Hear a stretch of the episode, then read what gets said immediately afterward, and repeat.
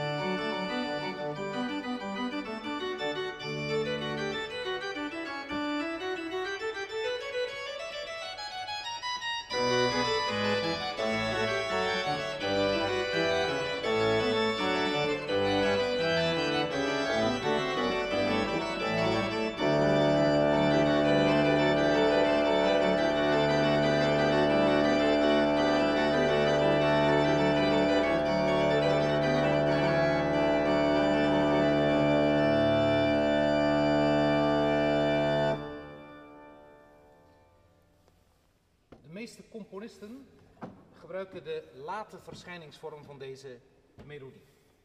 Klinkt dan melodisch en ritmisch als volgt.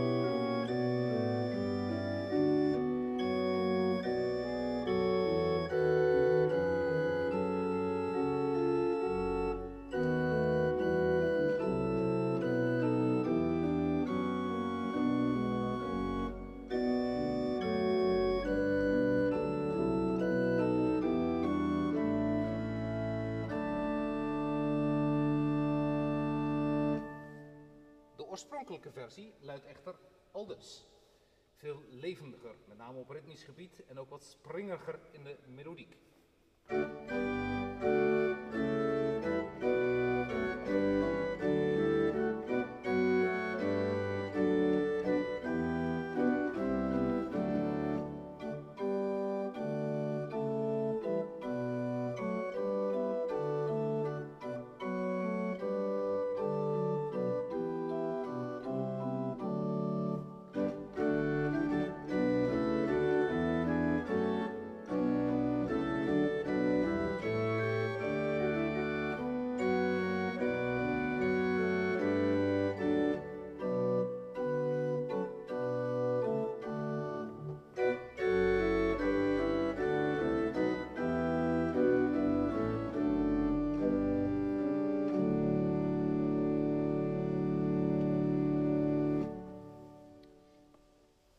Nederland bekend, beroemd en misschien wel berucht. De fantasie over het Lutherlied, een vaste burcht, is onze God.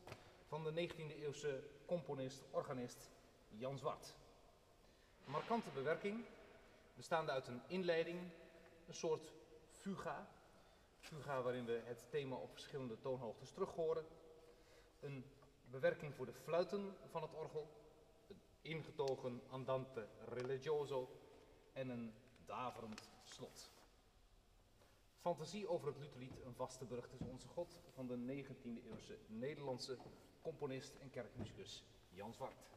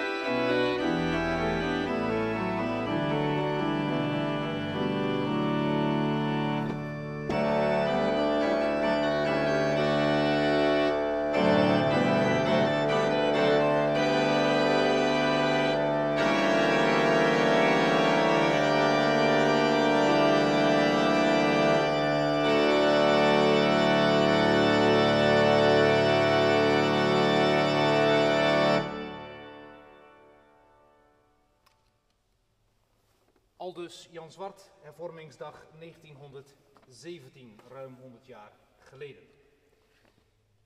In ditzelfde jaar ontstond ook een andere compositie van een Nederlander over het koraal Een vaste is onze God, en wel Cor Kind. Deze compositie zou Jan Zwart vervolgens op een Goudse orgeldag ook weer eens spelen. Ik speel van Cor Kind zijn monumentale fuga over een vaste burcht. Na de fuga volgt een groot slotkoraal dat eigenlijk Jan Zwart naar de kroon steekt met een lopende pedaalpartij.